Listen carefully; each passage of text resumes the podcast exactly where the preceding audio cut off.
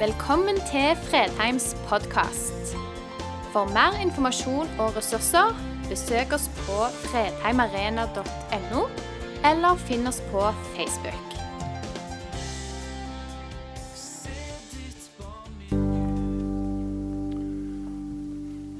Er det noe vi sannsynligvis alle kan bli enige om, så er det det at vi ønsker å leve et rikest mulig liv. Men hva er egentlig rikdom?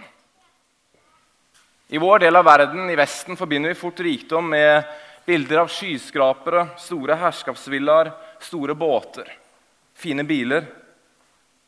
Men er det nødvendigvis rikdom? Eller kan det være at bildet vårt er forvrengt? Hvis vi legger til grunn definisjonen av ordet for fra Wikipedia, så er det ganske treffende.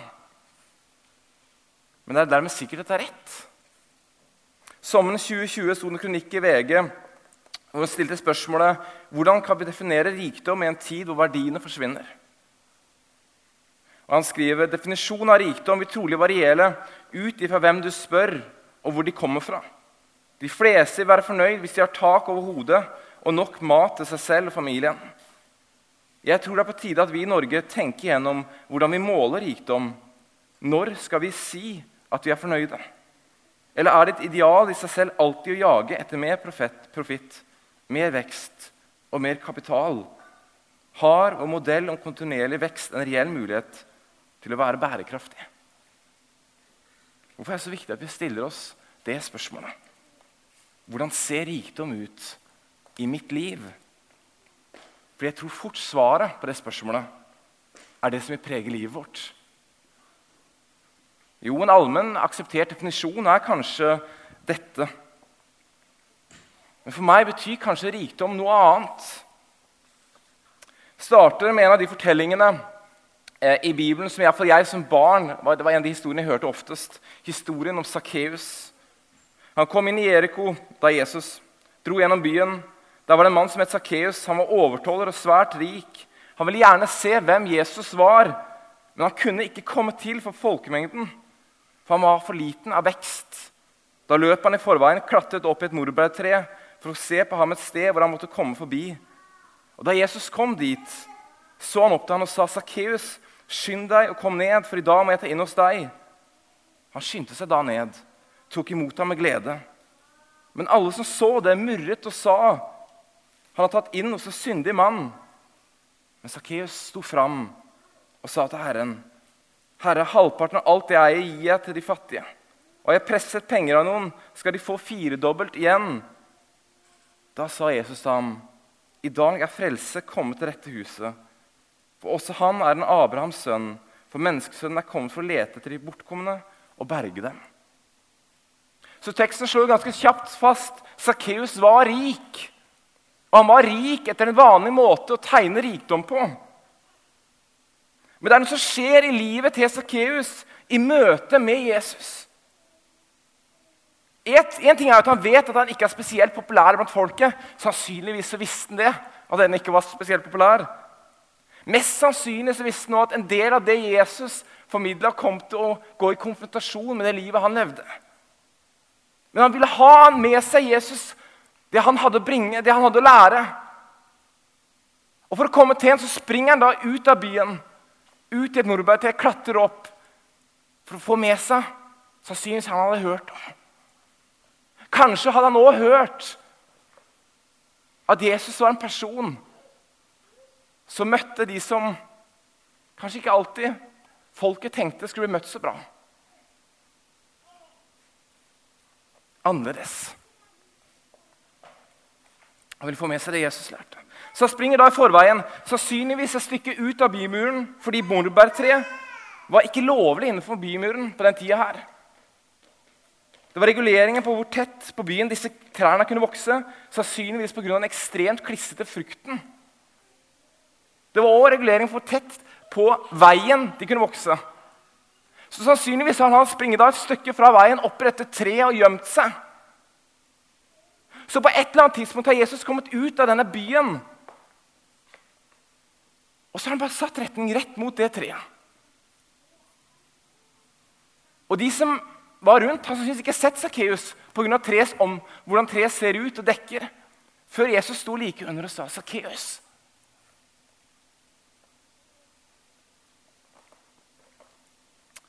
Og folken må jo ha blitt nå oppmerksom på denne lille, ekstremt upopulære, enormt rike forretningsmannen som sitter oppe i dette treet og gjemmer seg som et lite barn.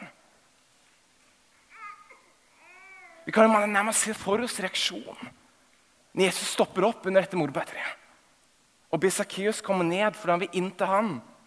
Og alle reagerer. Hva skal du til Sakkeus gjøre? Hva skal du denne personen gjøre? Han er en syndig mann. Det som er så vakkert med denne historien, her, er det som skjer med Sakkeus i møte med Jesus. Hjertet hans blir nærmest totalt forvandla der og da.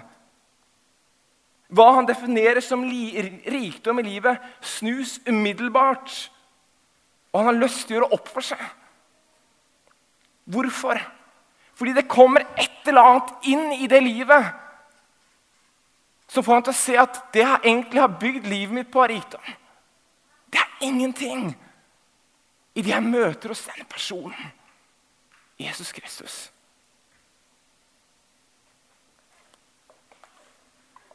Ok, Vi skal gjøre en liten øvelse. Eh, det her tror jeg var veldig nyttig uavhengig av om du har, om du har en tro eller om du ikke har en tro. Eh, jeg skal stille deg et spørsmål som du skal tenke på i en 30-45 sekunder. Bare sitte og tenke litt over.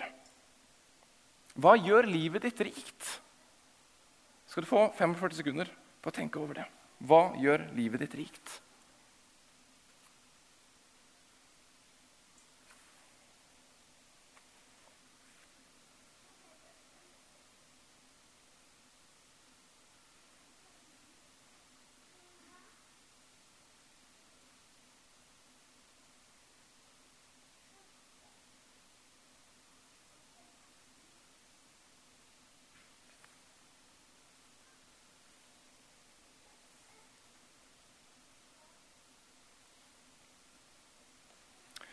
Ok? Mange ender nok på familie, venner, tro. Still neste spørsmål. Hvordan samsvarer det du akkurat fant ut at ga livet ditt verdi, med hvordan du bruker tiden din og ressursene dine? 30 sekunder til.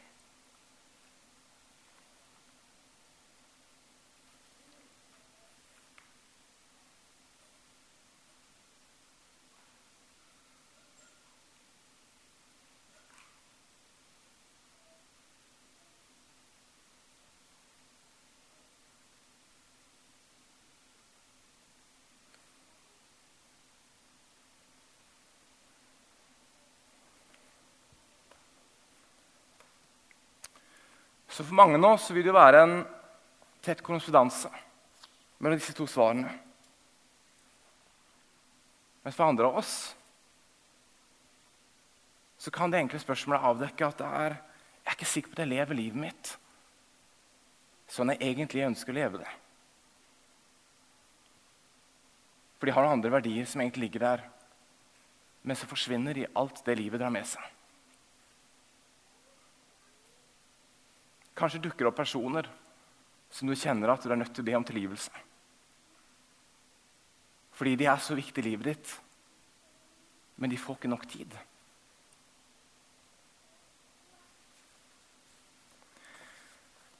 Jeg tror nettopp det er det her som skjer i teksten med Sakkeus. Problemet er ikke at han har mye penger. Men det er både at han har skaffet seg de delvis på en uriktig måte, og han har også gitt dem altfor mye verdi. Og I møte med Jesus, i møte med det hellige, så skjer jo det som må skje. Det avdekker vår synd. Det avdekker der vi har gått feil. Samtidig så står dette utrolig menneske foran det. Og Gud. Han forstår nå at jeg, det han har regnet som rikdom fram til nå, er ingenting verdt i forhold til det som står like foran. og det han presenterer. Så hva er rikdom i livet ditt? Hvilken drivkrefter setter det gang i det? Hva gjør det med det?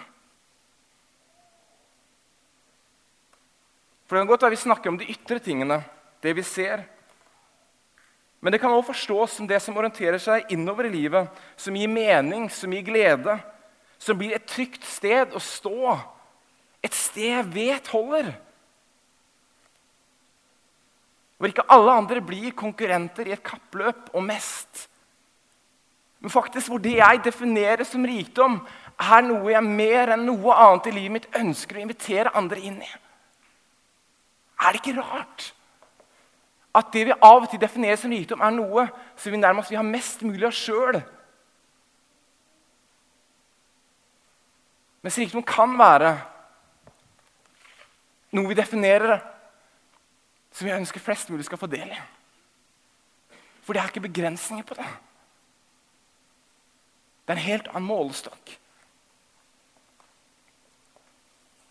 Under gullgravetida i Alaska kom det en dag noen menn over en gullgravehytte dypt inne i det indre Alaska. Det var stilt som i graven.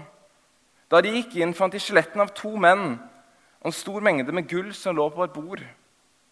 Ved siden av det lå det et brev der de to mennene hadde fortalt om hvilke fantastiske gullforekomster de hadde kommet over.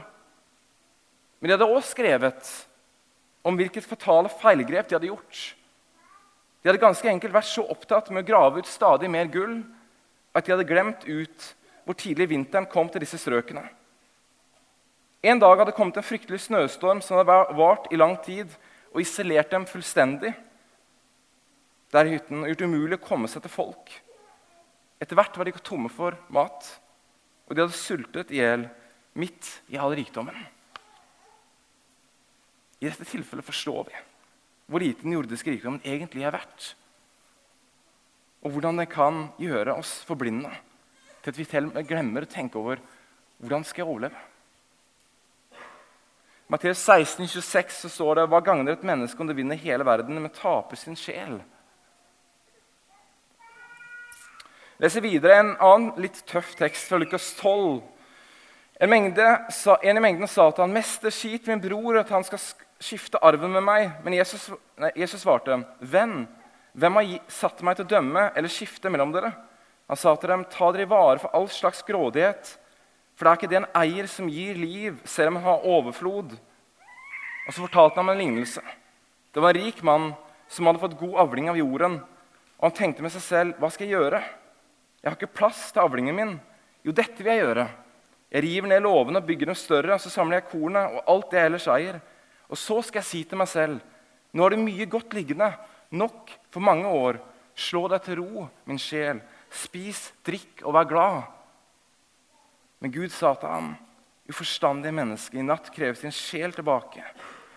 Hvem skal så ha alt det du har samlet? Slik går det med den som samler skatter til seg selv og ikke er rik i Gud. Det er en temmelig tøff tekst. Og det er en av mange. Vi har en lei tendens til å finne kampsaker som blir fullstendig overskyggende for alt det andre som bare rammer noen få. Men så glemmer vi fort de tingene som berører oss alle i Vesten.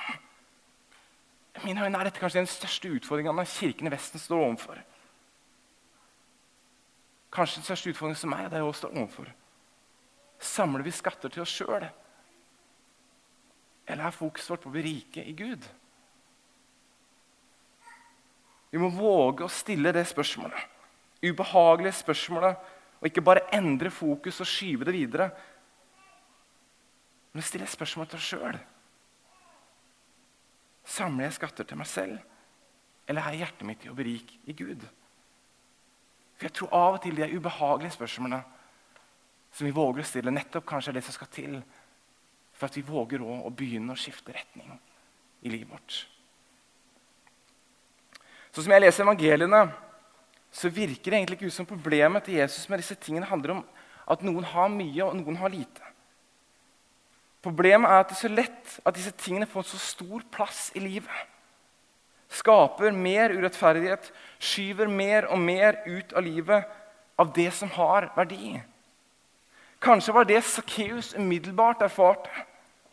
Han så at han hadde mistet grepet på det som egentlig betyr noe. Akkurat i det øyeblikket forsto han det igjen.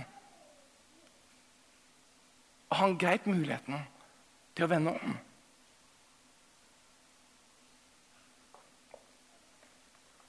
Jeg tror ikke poenget er summene. Sannsynligvis var Sakkeus fortsatt rik etter at han hadde gitt bort halvparten. Men hjertet hans var forvandlet.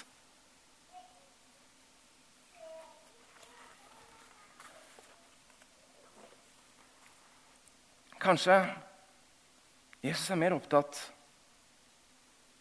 at vi heller ikke skal være så opptatt av det. Men heller ha et fokus på å leve et liv som er rikt Gud. Jeg har nevnt et sitat her før fra Jim Carrey. Eh, jeg, men jeg opplever det treffer noe i oss, for veldig mange kjenner til hvem skuespiller Jim Carrey er. Som sa da I wish everyone could experience being rich and famous. So they see it wasn't the answer to anything. Jeg skulle ønske alle kunne oppleve å bli rik og kjent. Så de så at det er ikke et svar til noe som helst. Så hva er egentlig en rikdom som? Kanskje bunner den i noe helt annet enn det vi tenker som rikdom. Kanskje bunner den faktisk i det Sakkeus fant ut at han mangla. Kanskje bunner det i mannen som fant en skatt gjemt i en åker, som dekket den til igjen. Gikk bort og solgte alt han eide, for å få tak i dette. For han forsto hva han hadde funnet himmelriket.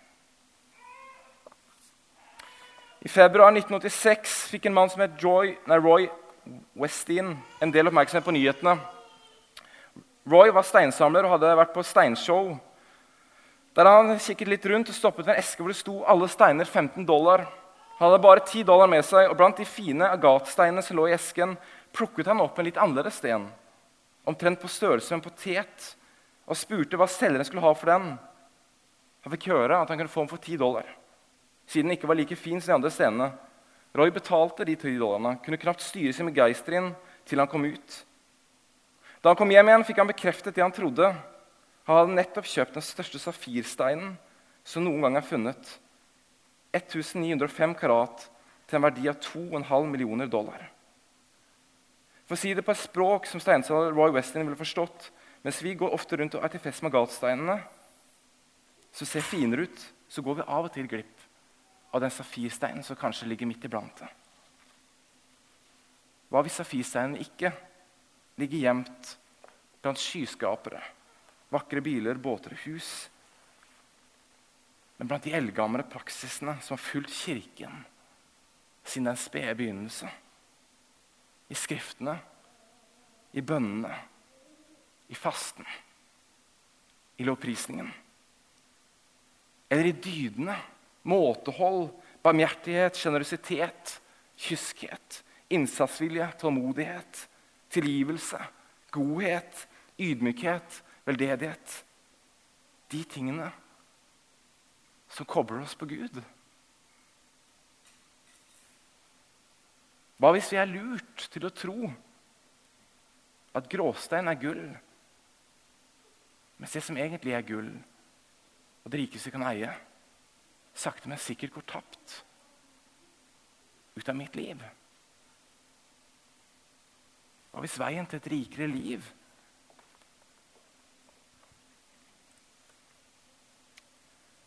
er å finne ut det som en gang var selvfølge kirken sitt liv, men som vi har glemt.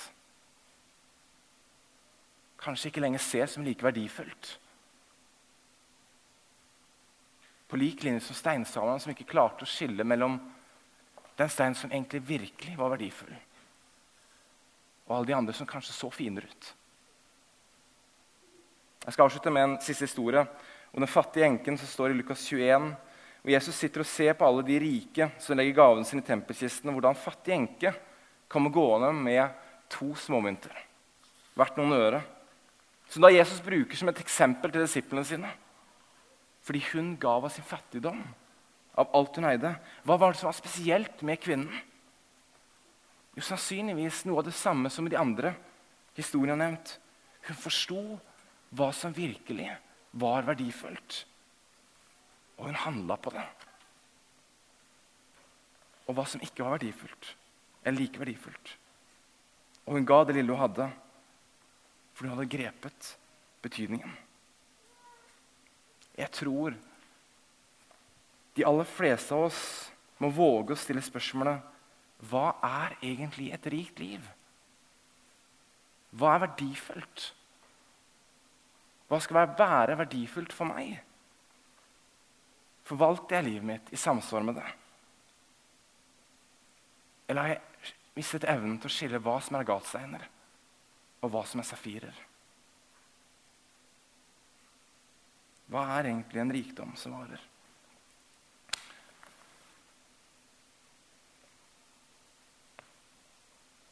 Og så tror jeg det er viktig på slutten å si at når jeg tar opp tekst, disse tekstene eh, Jeg har ikke mine ting i livet i orden. Disse er ting som jeg strever like mye som alle andre, men jeg tror vi er nødt til å adressere det. For jeg tror vi risikerer å gå glipp av det mest verdifulle. Gjennom at vi legger alt fokus på det som en gang går tapt. Og så er vi invitert til å følge Han inn i et liv som ikke går tapt. Vi ber, kjære Jesus, takk for at du elsker oss. Takk for at du ønsker å møte oss akkurat der vi er. Kjære Jesus, jeg ber om at dette er ting som eh, du berører i oss, Jesus.